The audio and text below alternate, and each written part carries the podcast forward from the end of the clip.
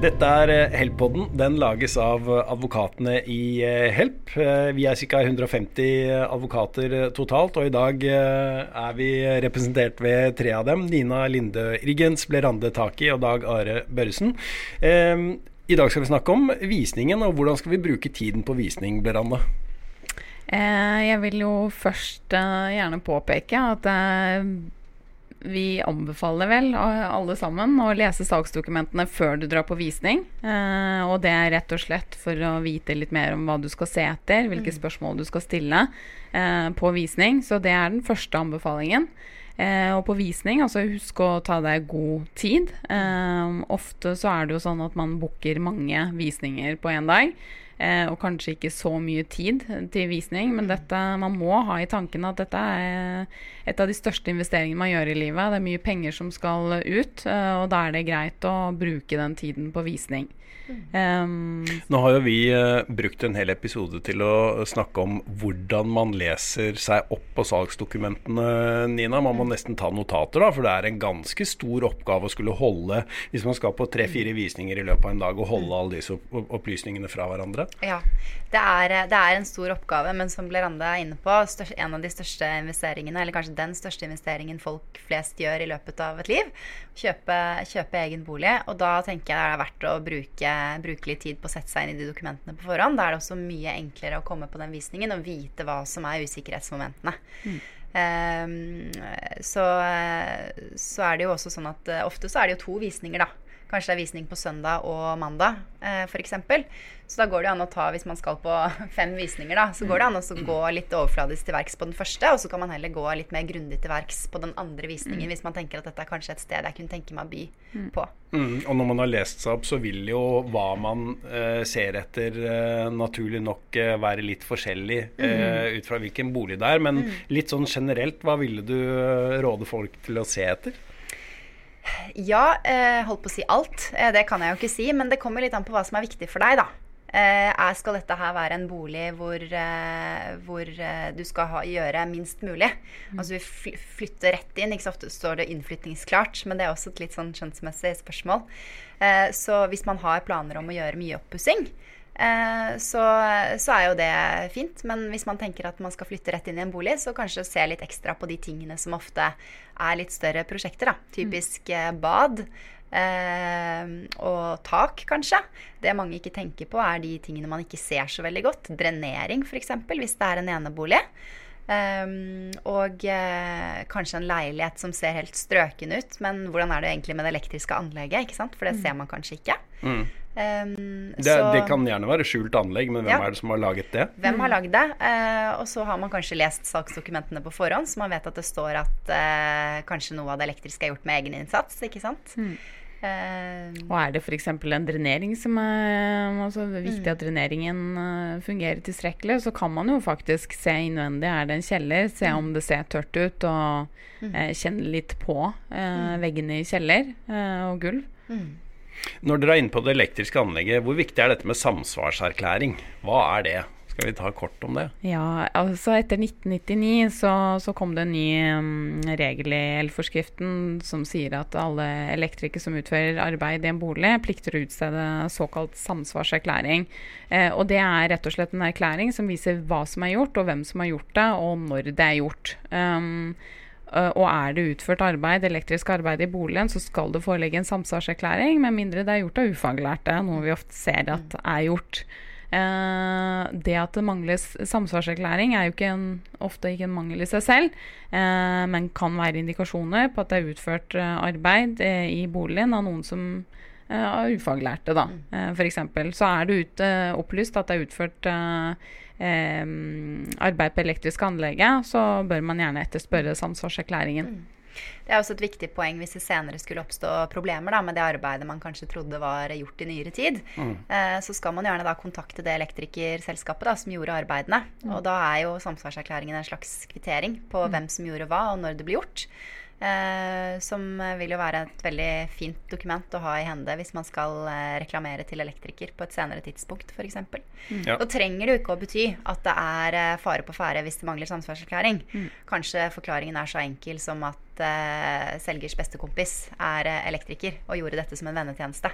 Mm. Uh, eller at man mistet samsvarserklæringen. Eller at man mistet det, mm. selvfølgelig. Mm. Det er jo et dokument. Det trenger jo ikke å betyde, så. men det kan være en indikasjon. Så det kan jo være verdt å spørre hvorfor det ikke foreligger. Da. Så kan man jo mm. vurdere forklaringen selv. Mm. ja, og da kan vi jo presisere det at det er ikke ulovlig å selge ting hvor man har gjort egeninnsats mm. og hvor arbeidene er blitt til på ulikt vis, men man må bare opplyse om hva som er gjort og hvem som har gjort det. Det er korrekt. Absolutt. Mm. Av og til så. så. får vi jo spørsmål om vi ikke kan politianmelde ikke folk sant? som har utført arbeid uh, av ufaglærte. Mm. Men uh, det er klart, altså, har du først fått opplysningen, så anses det akseptert også. Mm. Ja. Og det tror jeg, jeg tror det er mange som kanskje ikke helt uh, forstår den risikoen da, det ligger i at man får opplysninger om ufaglært arbeid.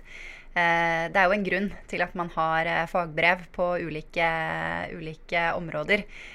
Og jeg tenker at det er litt viktig å huske på at hvis selger f.eks. er lærer og har bygget badet etter beste evne, mm. så er sjansen veldig stor for at det ikke holder ut forventet levetid. Mm. Og det er en risiko som da kjøper må anses å ha akseptert. Mm. mm. Ja, og en del av oss som har prøvd å gjøre ting selv, vi øh, skjønner kanskje at det kan være grunn til å stille spørsmål ja. med en del av de jobbene som er gjort. Så det er en risiko man tar hvis man kjøper mm. noe hvor det er opplyst om mm. eh, egeninnsats. Ja.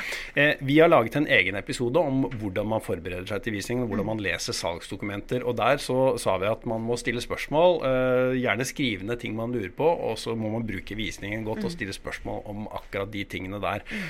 Eh, når det gjelder leiligheter, så vil det jo øh, være en del ting som handler om fellesarealer og mm. parkeringsplasser og boder, og hvem mm. som har ansvar, om det er noen planer for oppussing osv. Mm. Hvis man ikke har funnet noe om det når man forberedte mm. seg. Det er sånn man også kan stille spørsmål ved på en visning. Helt klart, og jeg tenker det er kjempeviktig. For når man kjøper en eh, leilighet, så er det ganske mye som ikke akkurat er innenfor de kanskje 60 kvadratmeterne, da, mm. eh, som vil påvirke kjøper. Mm. Eh, du nevner bod, f.eks. Eh, kanskje det står i salgsdokumentene at det medfølger en bod. Eh, da ville jeg uten tvil eh, spurt megler eh, Jeg vil se boden. Ikke sant? Jeg, den, den, vil jeg se. Ja. Eh, Få vite hvor den er. For mm. ofte så er det jo noen boder som kanskje er mer attraktive enn andre. Eh, så, eh, så, da har vi jo flere saker hvor eh, kjøper har kontaktet oss for bistand i ettertid fordi at de var veldig misfornøyde med boden. Det var liksom den kjipeste boden av alle sammen. Mm. men og, og, samme gjelder jo egentlig som parkeringsplass. altså Se gjerne parkeringsplassen. Ja. For vi har hatt saker der um, man har fått opplyst at man har en parkeringsplass, og det har man, men mm. den er for liten til å kunne mm. parkere en vanlig bil. Mm Eh, bil der, og kanskje er det kun plass til en motorsykkel, og mm. da er jo ikke parkeringsplassen så reell lenger. Nei, så det, det, er kjempeviktig. Spør om å få se parkeringsplassen. Duger den til det du har tenkt å bruke den til? Og spør om å få se boden. Er den god nok?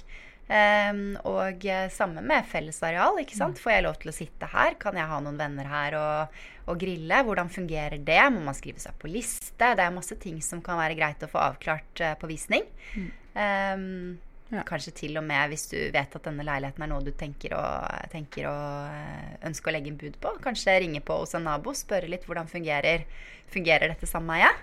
Mm. Um, og sist, men ikke minst, så er det jo ganske viktig å, å undersøke om det er noe planlagte arbeider som kan få påvirkning for uh, kjøpers økonomi. Altså hvis taket skal byttes, eller hvis man skal bytte soilrør i kanskje en gammel mm. bygård, så kan det innebære veldig store kostnader. Eller økte felles, uh, fellesutgifter. Eller utbygging av nabotomten, ja. som vil medføre at du i to år må leve med støy, f.eks. Mm. Men er det sånn som bør stå høyt og tydelig, eh, sånn at jeg slipper å være detektiv selv for å finne ut av det? Definitivt. Absolutt. Eh, men eh, som, eh, som eh, vi er litt sånn forkjempere av, hvis det er mulig å på en måte eh, avklare noen uklarheter før man legger inn bud, mm. så er jo det å foretrekke framfor å lage Mm. Eh, lage en sak eh, i etterkant. Mm. Jo færre negative overraskelser du kan uh, gardere deg mot, hvor, jo mm. bedre er det. Absolutt. Eh, det er flere. ikke hyggelig ja. å sitte i en etterfølgende tvist, altså, så hvis man kan unngå Men hvor nøye vil dere gått til verks når det gjelder økonomien i sameiet, og lese protokoller fra generalforsamlinger og møter osv.?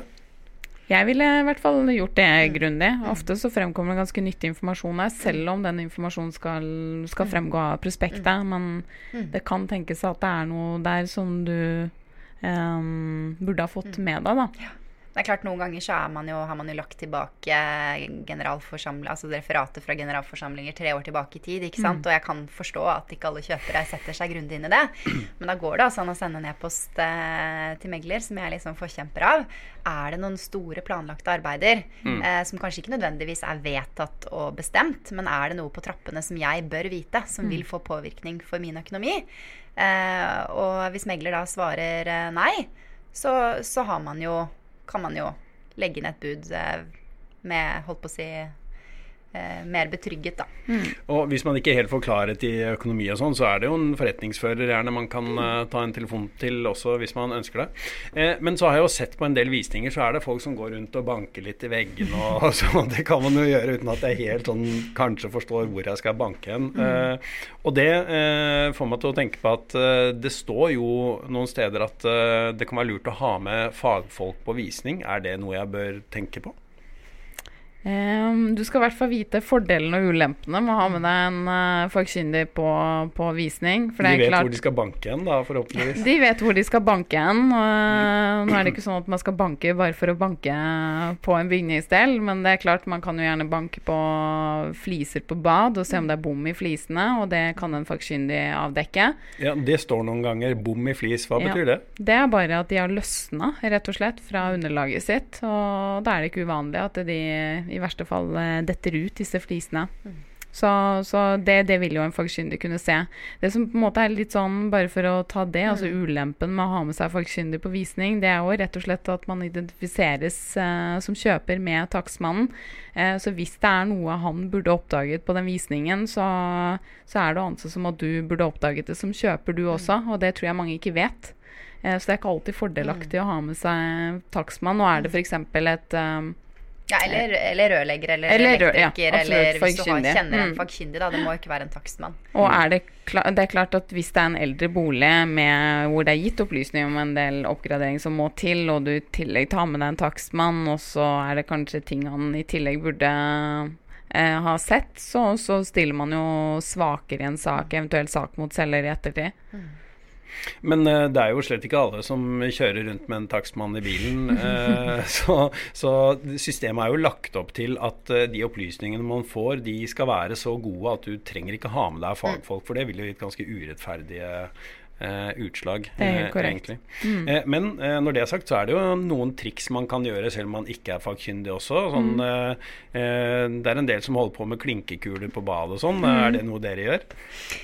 Jeg har ikke lagt ut noen klinkekuler personlig. Det er jo litt sånn den følelsen man får da når man mm. uh, går inn i et rom og ser seg rundt, og det ser sånn noenlunde beint ut, holdt jeg mm. på å si. Så, mm. så, er jo det ofte, ofte tilstrekkelig. Så mm. tenker jeg mange ting også vil man jo ikke kunne avdekke var nå inne på skjevheter, da, mm. eh, så er det jo mange ting man ikke vil kunne avdekke før man har bodd seg litt til. ikke mm. sant? Eh, og, og, og, følt litt på hvordan eh, huset fungerer, og hvordan det knirker og knaker, og om vinduer kan la seg lukke. og mm. Men det er jo den klassiske. ikke sant? Og mm. Funker verandadøra? Mm. Er, ser vinduene punktert ut? Det er en sånn ting man ofte glemmer å, glemmer å se på. Ja, eh, Sjekke om vinduene lar seg åpne og lukke lett og sånn. Eh, og så er det jo en annen ting. Det er at eh, hvis du nå unnskyld, ha med deg den klinkekula, og du triller mm. den på badet. Mm. og Det er jo for å se om fallet går riktig vei. Da. Så, mm. og det er jo en indikasjon på at det er fagfolk som har uh, gjort jobben hvis uh, det ser ut som vannet kommer til å renne riktig vei uh, i dusjen. Mm. Altså til sluket. Og hvis det ikke skjer, så er det jo grunn til å se på opplysningene en gang til om hvem det er som egentlig har gjort arbeidet her. Ja. Men, men, det vi ser, det er at det, det er dårlige fall til sluk på mm. veldig mange bad, selv om de bygges av faglærte. Uh, kanskje har det noe med området å gjøre, altså at det er veldig lite bad og vanskelig å få til noe fall til sluk, mm. eller typen fli fliser man har brukt. Uh, så det å ta med seg klinkekull på visning, det er ikke så dumt, altså, hvis det er viktig at det er tilstrekkelig fall til sluk, mm. sånn at vannet ikke renner, uh, renner over og utover mm. gulvet. Mm. En, en, annen ting man kan gjøre, er jo selvfølgelig å sette på dusjen. Mm og se om eh, det renner eh, korrekt. Eh, det er lov, altså. Men jeg ser jo, jeg har vært på en del visninger selv, og jeg ser jo at det, det er alltid tørt i dusjsonen, så det er få folk som gjør det. Ja. Så går det også an da, å spørre Eh, registrerte at det var litt flatt. Og det kanskje står også i saksdokumentene. Kanskje det står at det ikke er tilstrekkelig fall til sluk.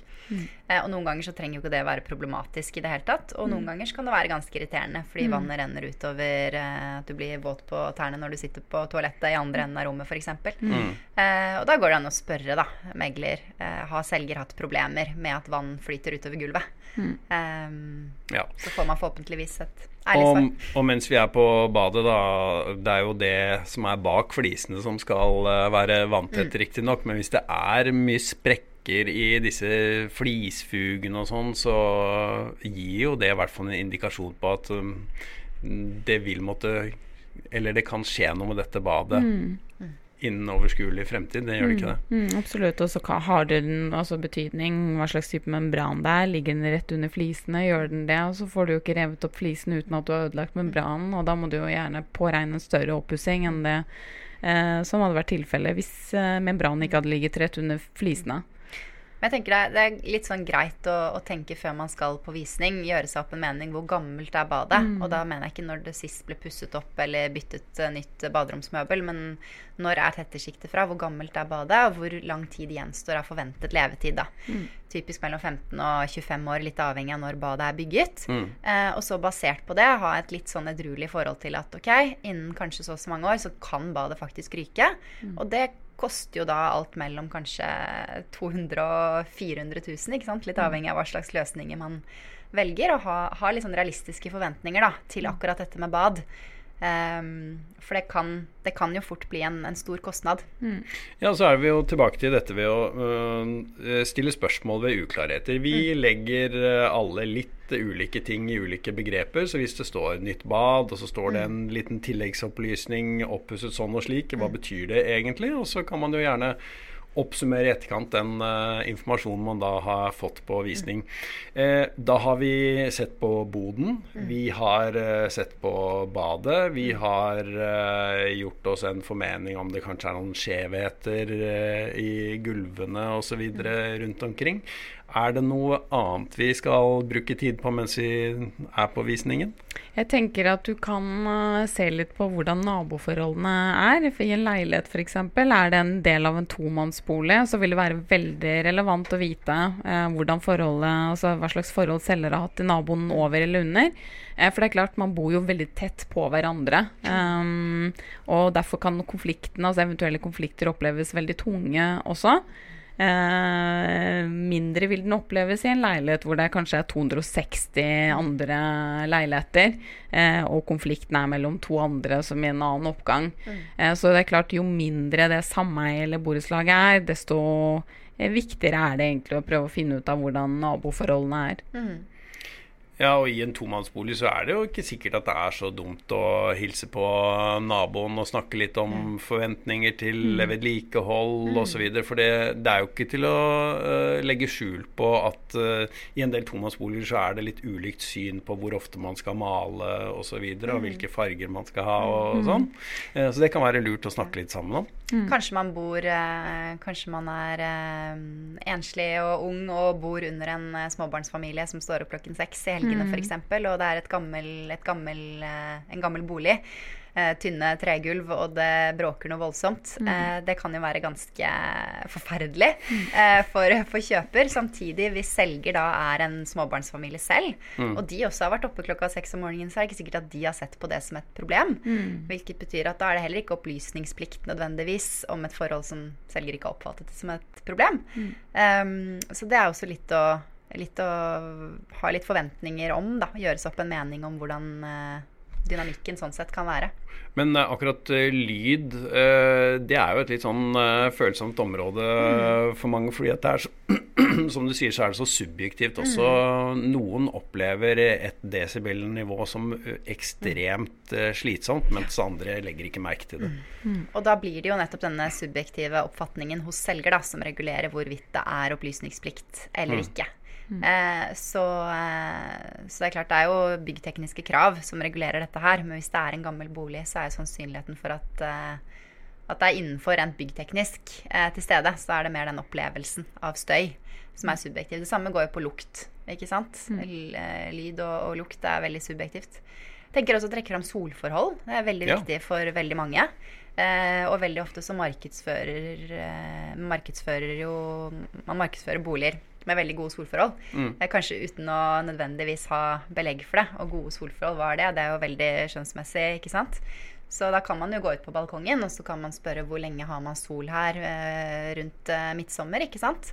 Og står det en høyblokk rett foran, eh, så selv om det står gode solforhold, eh, så kan man nok ikke eh, kan man nok ikke bli hørt med at man Altså, hvis blokken står der, så burde man kanskje forstå at det ikke var de gode solforholdene likevel, da, etter å ha vært på visning. Så det kan også være Det finnes jo noen sånne apper nå også, sånn solforhold-apper, mm. man, hvor man kan se sånn Mm. noenlunde hvor eh, når solen kommer opp og når den går ned. Så Mm. hvor lenge man har sol på den balkongen. Så det er jo greit å eh, ta utgangspunkt i når man er på visning, da, Mm. og plassere den telefonen Mm. på balkongen.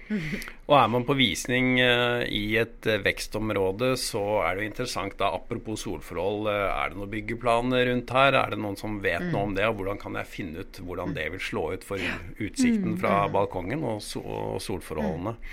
Um, det oppstår også en del saker i ettertid som har med fellesutgifter å gjøre, og utgifter til ditt og datt. Hvis jeg føler at jeg ikke helt eh, har fått svar på de økonomiske konsekvensene av å flytte inn her, hvordan kan jeg best finne ut av det?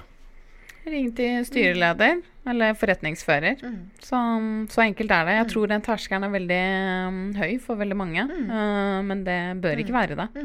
Ja, for vi tenker ikke så nøye over at de faktisk eh, skal svare på sånt. Ja. Enda bedre, send en e-post. Eh, så kan den ligge, ligge i mailmappen din i eh, noen år fremover, og så har du, eh, har du belegg for at eh, f.eks. Forretning, forretningsfører sa at eh, eh, kostnadene ikke skulle settes opp, eller, eller den slags. Det er klart, det kan jo komme, det kan jo komme mm, forhold eh, etter budaksept. Eh, eller etter overtakelse, som, eh, som eh, selger ikke vil kunne holdes ansvarlig for, fordi omstendighetene har forandret seg. Um, men det er klart at hvis megler f.eks. har skrevet til deg at det er ikke noen store vedlikeholdsplaner i nærmeste fremtid, og så flytter du inn, og så på første sameiemøte så ja, nå skal vi snakke om at vi skal bytte tak, eller så er det klart at da, da har man jo litt mer å komme med, da. Ja. Eh, Jeg tror vi er over på oppsummeringen om hvordan man skal bruke visningen eh, godt. Det der, og én ting er jo da, eh, som du akkurat var inne på, ja, send gjerne en mail til enten det er styreformann eller megler om de opplysningene du enten ønsker svar på eller har fått. fordi at det kan jo være at at du ikke nødvendigvis får svar på det du lurer på, men da har du i hvert fall stilt spørsmålene, og det kan være nyttig å ha i ettertid.